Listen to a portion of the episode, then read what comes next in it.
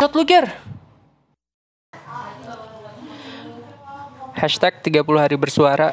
Sekarang hari ke-9 Challenge 30 hari bersuara dari at thepodcasters.id Hari ini temanya sangat spesial Karena topiknya adalah keluarga. Dan gue mau ngajakin collab Nyokap gue sendiri. Namanya Mia R. Kerjanya notaris Punya anak satu dari lima bersaudara Bener kan? Benar.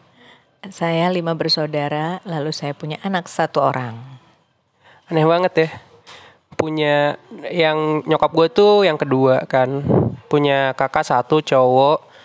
Habis itu adiknya tiga. Satu cowok, dua cewek. Sebelum mulai, mau ada ini nggak pesan-pesan untuk para pendengar? Oh enggak, langsung aja ya. Ya udah, topiknya keluarga nih, Mam. Oke.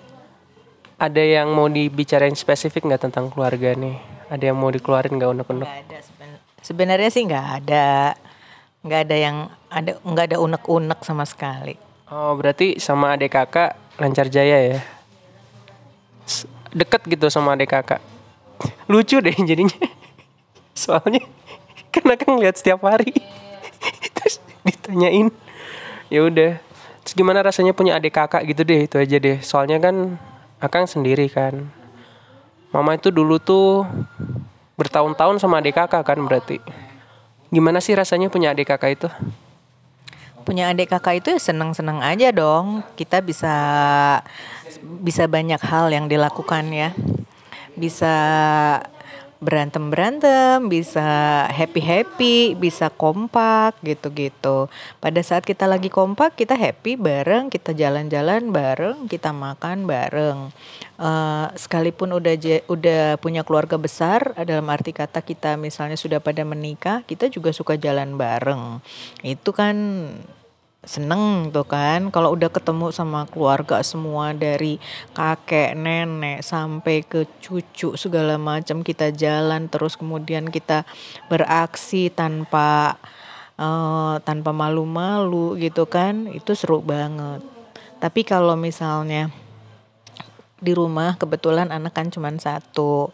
Jadi komunikasi itu sebenarnya seru-seru aja cuman sangat terbatas komunikasinya kalau cuman berdua. Dua ar dua arah aja. Kok kebet sorry. Kok kebetulan cuman satu? Kan mama yang ngatur anaknya mau berapa. Berarti nggak kebetulan dong, emang disengajakan cuman satu kan.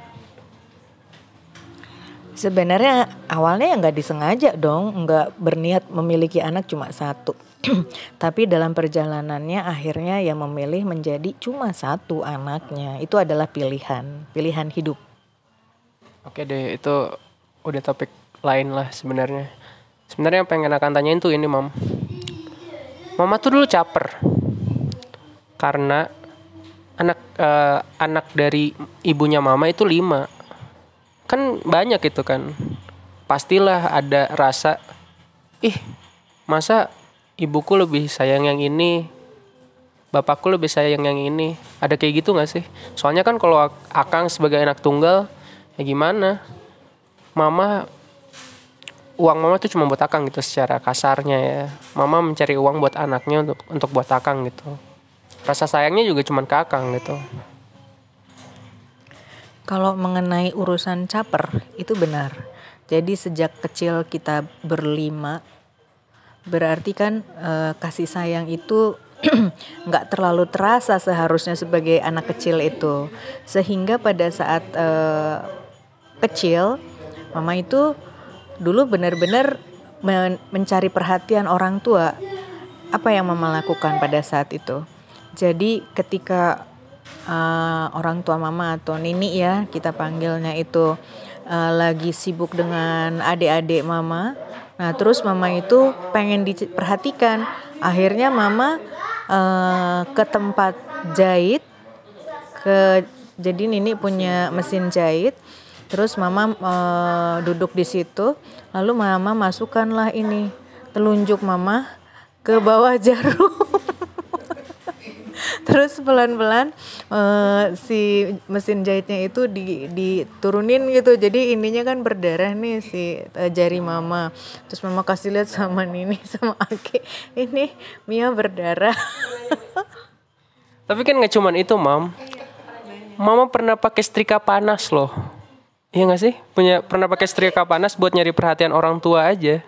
Iya, bukan bukan. Bukan begitu, tapi gini. Jadi suatu hari Nini bilang, "Teh, itu tolong setrikaan uh, simpen di dalam." Oh iya mah gitu. Jadi mama nggak tahu kalau setrikaan itu ternyata masih panas. Jadi setrikaan itu diambil langsung mama taruh di tangan. Itu kejadiannya. Nah, tapi mama juga pernah yang caper itu benar yang mengenai setrikaan, tapi setrikaan kecil. Jadi kita punya Aki dari India, pulang dari India, Aki uh, beli setrikaan kecil. Nah, waktu itu mama lagi uh, main setrika-setrikaan di kamar Nini. Nah, tahu-tahu Nini sama Aki kan mungkin masih lebih masih muda pada saat itu kan. Nah terus mama disuruh eh uh, teteh teteh kan uh, mama dipanggilnya teteh. Jadi teteh teteh katanya coba jangan di sini coba keluar. Nah mama tuh marah apa sih gitu. Terus mama ngejatuhin setrikaan itu. Ternyata jatuhnya adalah ke kaki mama sehingga kaki mama luka lah gitu. Tapi seru banget sih kalau kesannya tuh kalau punya adik kakak tuh pasti ada aja gitu setiap hari sesuatu yang baru kan. Tapi tuh menurut Akang tuh menurut Akang sebagai anaknya mama Akang ngerasa tuh hal-hal itu tuh membangun karakter kita sebagai manusia kita punya adik, kita punya kakak, berarti kita secara langsung belajar toleransi kan. Kita secara langsung belajar harus mengalah untuk adik. Berarti di keluarga mama juga kayak gitu kan, pas masih kecilnya kan. Ya gitu. udah pasti, udah pasti seperti itu. Nah, kalau gitu menurut mama, kalau misalkan keluarga anaknya tunggal, apakah berarti anak tunggal itu menjadi manja? Itu bukan satu kepastian kalau anak tunggal lalu menjadi manja. Itu sangat tergantung kepada satu uh, bagaimana orang tua itu uh, membesarkan anaknya, ya kan? Yang kedua, bagaimana anak itu menerima apa yang di uh, deliver oleh orang tua kepada anak, ya kan? Contohnya misalnya begini uh, Akang misalnya itu adalah anak tunggal, tapi Mama tidak pernah menganggap bahwa Akang itu sebagai anak tunggal. Jadi Mama biasa aja sikapnya gitu loh. Nah, kita memang awalnya takut ya uh, orang tua ini uh, Mama dengan Papa Akang itu pasti takut ketika kita cuma punya anak satu dan menjadi anak tunggal kita takut anak ini menjadi manja kan seperti itu. Akan tetapi dengan komunikasi yang baik dalam arti kata baik itu bukan berarti baik seperti baga sebagaimana orang tua dengan orang tua ya, tetapi anak bagaimana kita berbicara dengan anak yang misalnya di umurnya masih tiga tahun, lalu kita berbicara berbicara seperti uh, dengan orang dewasa dan anak itu mengerti. Nah itu seperti itu. Tapi benar sih, jadi intinya adalah tidak ada korelasi ya, Mam, antara sebuah anak menjadi manja, seorang, seorang sebuah nervous ngomong sama ibunya sendiri karena direkam. Seorang anak menjadi manja itu tidak ada korelasinya dengan didikan. didikan dia sebagai anak tunggal gitu kan. Walaupun anak tunggal ya sorry itu saya mam. Akan nggak akan kita bilang broken home but it is the truth gitu. I mean mama sendiri ngurusin akang gitu. Dan alhamdulillah sejauh ini baik-baik aja gitu kan. Interesting banget sih topik ini Udah lumayan lama nih mam, terima kasih. Eh tapi sebelum itu akan nambahin. Ini untuk para pendengar aja ya, mengetahui bahwa nyokap gue sebentar lagi ingin menikah. Di umurnya yang 51 tahun, 52 tahun, sorry.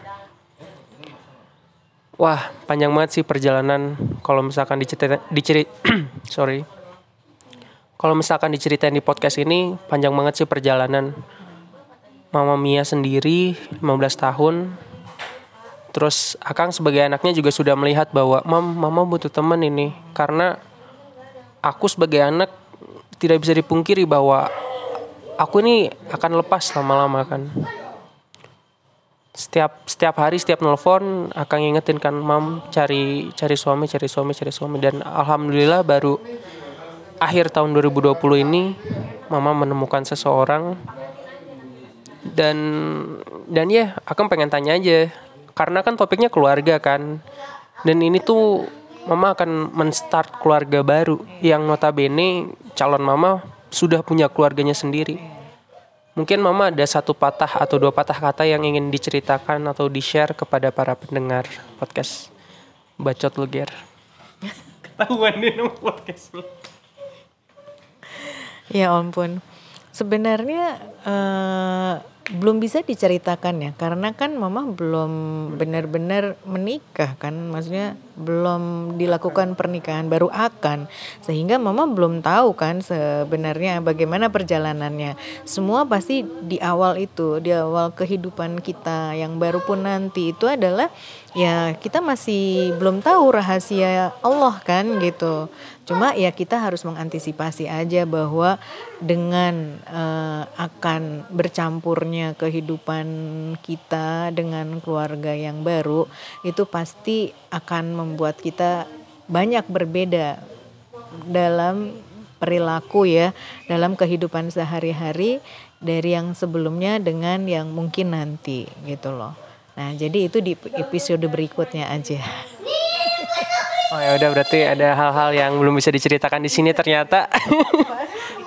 ya udah Mom, terima kasih atas waktunya sudah mampir di podcast Akang Giri ini.